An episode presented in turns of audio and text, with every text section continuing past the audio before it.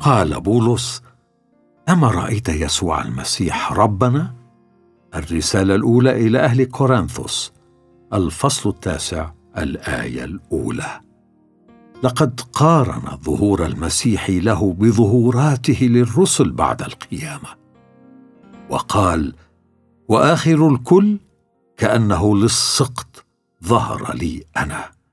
الرسالة الأولى إلى أهل كورنثوس الفصل الخامس عشر الآية الثامنة. لم ير بولس يسوع فقط بل إنه رآه بطريقة لا تقاوم ولم ينادي بالبشارة طوعا واختيارا وإنما اضطرارا لأنه إن كنت أبشر فليس لي فخر إذ الضرورة موضوعة علي الرسالة الأولى إلى أهل كورنثوس الفصل التاسع الآية السادسة عشر. لاحظ أن مقابلة بولس مع يسوع وتحوله الذي تلا كان فجأة ودون توقع. فحدث لي وأنا ذاهب ومتقرب إلى دمشق أنه نحو نصف النهار بغتة أبرق حولي من السماء نور عظيم. أعمال الرسل الفصل الثاني والعشرون الآية السادسة. لم تكن لدى بولس إيه فكرة عن هوية هذا الشخص السماوي. وعندما أعلن أنه يسوع الناصري أخذ بولس يرتجف مندهشا. ربما لا نعرف كل التفاصيل والأحداث المتلاحقة أو العوامل النفسية المتعلقة بما حدث لبولس على طريق دمشق. ولكننا نعلم شيئا واحدا. وهو أنه غير كل ناحية من نواحي حياته بشكل جذري. اولا لقد تغيرت شخصيته تغيرا اساسيا. تصفه الموسوعة البريطانية قبل تحوله وتجديده على أنه غير متسامح وحاقد ومضطهد ومتعصب دينيا ومعتد بنفسه ومزاجي. ويوصف بعد تجديده كرجل صبور مضح له قدرة على التحمل. يقول كينيث سكوت لاتوريت غير أن الذي أعاد تشكيل حياة بولس ونزع منه مزاجه العصبي وخرج به من دائرة خمول الذكر إلى دائرة الشهرة والتأثير الدائم اختبار ديني عميق وثوري. ثانيا تغيرت علاقة بولس مع أتباع يسوع وكان شاول مع التلاميذ الذين في دمشق اياما. أعمال الرسل الفصل التاسع الآية التاسعة عشر. وعندما ذهب إلى الرسل أخذ يمين الشركة. ثالثا تغيرت رسالة بولس. وعلى الرغم من احتفاظه بحبه لميراثه اليهودي فقد تحول من معاد لدود للإيمان المسيحي إلى زعيم المدافعين عنه وأنصاره. وللوقت جعل يكرز في المجامع بالمسيح أن هذا هو ابن الله. أعمال الرسل الفصل التاسع الآية العشرون. لقد تغيرت قناعاته الفكرية فقد أجبره اختباره على الاعتراف بأن يسوع هو المسيح مناقضا بذلك أفكار الفريسيين عن المسيح تناقضا مباشرا. لقد عانى تصوره الجديد عن المسيح ثورة شاملة في فكره. لاحظ جاك دوبون بدقة أنه بعد أن أنكر بكل حماس وانفعال بأنه يمكن لرجل مصلوب أن يكون المسيح المنتظر. أخذ يعترف بأنه المسيح حقا وأعاد نتيجة لذلك التفكير والنظر في كل أفكاره السابقة عن المسيح. وأصبح بإمكانه الآن أن يفهم أن موت المسيح على الصليب الذي بدا له لعنة من الله ونهاية مستهجنة ومؤسفة لحياة أي إنسان هو الطريقة التي اختارها الله ليصالح بها الناس لنفسه من خلال المسيح. أخذ يدرك بأن المسيح أصبح لعنة من أجلنا من خلال الصلب. غلاطيا الفصل الثالث الآية الثالثة عشر. لأنه جعل خطية لأجلنا. الرسالة الثانية إلى أهل كورنثوس الفصل الخامس الآية الإحدى والعشرون. وبدلا من أن يكون موت المسيح على الصليب هزيمة فقد نظر إليه على أنه انتصار عظيم توجته القيامة. لم يعد الصليب حجر عثره ولكنه أصبح جوهر الفداء الإلهي. ويمكن تلخيص كرازة بولس على أنها إيضاح لضرورة تألم المسيح وقيامته من الأموات وتقديم البراهين على ذلك موضحا ومبينا أنه كان ينبغي أن المسيح يتألم ويقوم من الأموات وأن هذا هو المسيح يسوع الذي أنا أنادي لكم به. أعمال الرسل الفصل السابع عشر الآية الثالثة. فقد رأى بولس في المسيح الذي ظهر له مخلصا لكل الناس فتحول من فريسي تقليدي مهمته الحفاظ على القوانين اليهودية الصارمة إلى داعية إلى هذه الطائفة الثورية المسماة بالمسيحية والتي عارضها بعنف شديد. كان التغير الذي طرأ على حياته كبيرا حتى بهت جميع الذين كانوا يسمعون وقالوا أليس هذا هو الذي أهلك في أورشليم الذين يدعون بهذا الاسم؟ وقد جاء إلى هنا ليسوقهم موثقين إلى رؤساء الكهنة. أعمال الرسل الفصل التاسع الآية الإحدى والعشرون. يقول المؤرخ فيليب سكاف لم يكن تجديد بولس نقطة تحول في تاريخه الشخصي فحسب. ولكنه كان أيضا عهدا جديدا مهما في تاريخ الكنيسة الرسولية وبالتالي في تاريخ البشرية. لقد كان أكثر حدث مثمر منذ معجزة يوم الخمسين وأدى إلى انتصار المسيحية الكامل. جلست إلى جانب أحد التلاميذ أثناء فترة الغداء في جامعة هيوستن.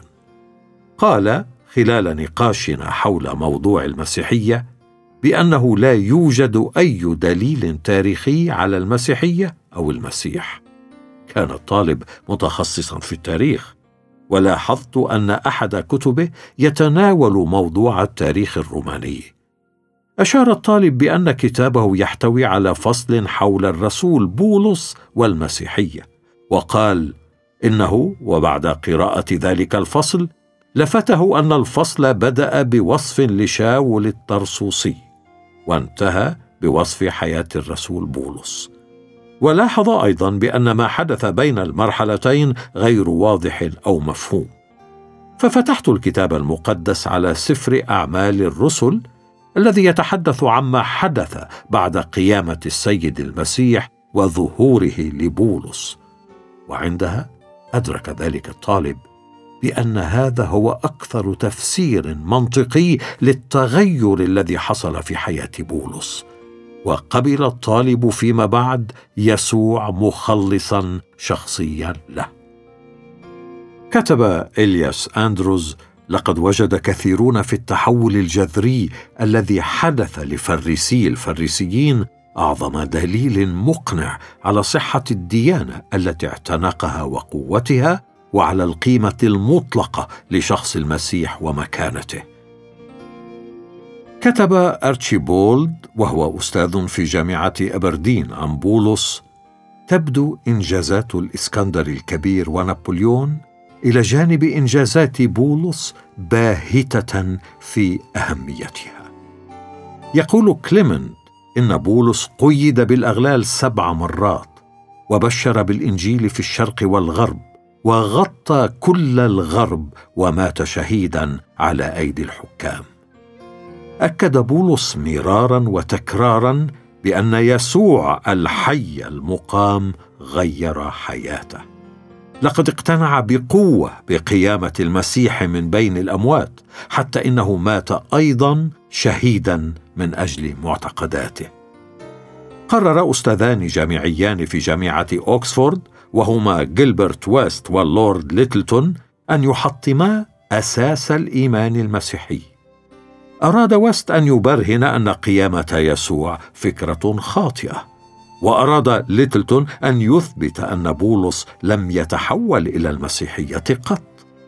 لكن أبحاث كلا الأستاذين انتهت إلى نتائج معاكسة وأصبح الاثنان من أتباع يسوع المتحمسين. كتب اللورد ليتلتون إن دراسة وافية لتحول القديس بولس ورسوليته كافية وحدها للبرهنة على صحة الوحي الإلهي للمسيحية. وقد خلص إلى الاستنتاج بأنه إذا كانت خمس وعشرون سنة التي قضاها بولس من المعاناة وخدمة المسيح حقيقة فإن تحول بولس حقيقي. لأن كل شيء فعله بدأ بتغير مفاجئ. وإذا كان تحوله أو تجديده حقيقيا فإن معنى ذلك أن يسوع قام من بين الأموات لأنه نسب كل ما كان وما فعل إلى رؤيته للمسيح المقام.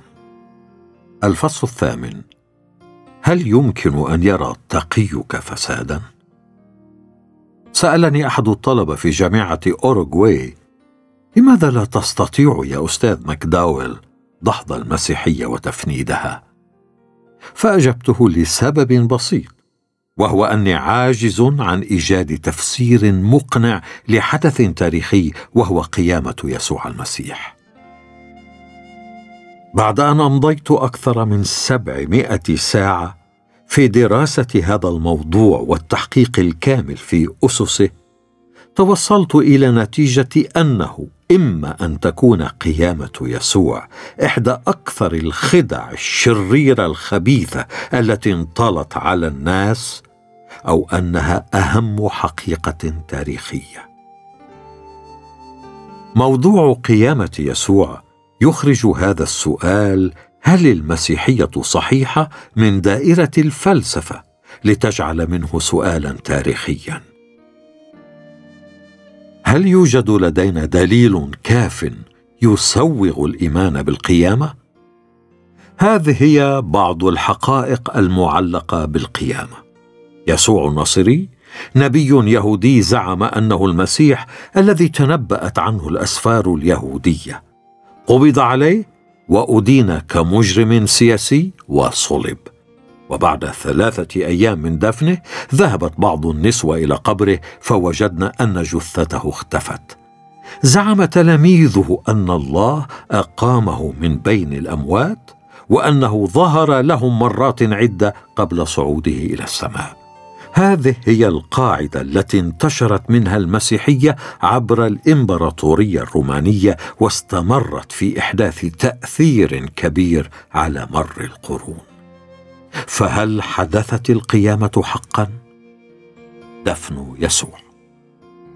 لف جسد يسوع حسب عادات الدفن اليهودية بحوالي خمسة وأربعين كيلوغراما من الحنوط المعطر الممزوج من مواد مختلفة صمغية وضعت بين طيات الكفن حول جثته. وبعد أن وضعت الجثة في قبر صخري قوي دحرج باب حجري ضخم جدا يزن حوالي طنين بواسطة روافع ليسد باب القبر. وقد وضع حراس رومانيون منضبطون لحراسة القبر. وكان الخوف من العقاب يدفعهم إلى الاهتمام الكامل بواجباتهم دون أي تقصير خصوصا في ساعات المناوبة الليلية. شمع هؤلاء الحراس القبر بالختم الروماني الذي يدل على القوة والسلطة الرومانية. وكان القصد من وراء التشميع منع عمليات التخريب والسطو.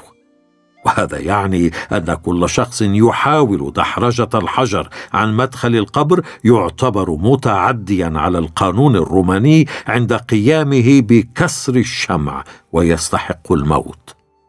لكن القبر كان فارغا. القبر الفارغ.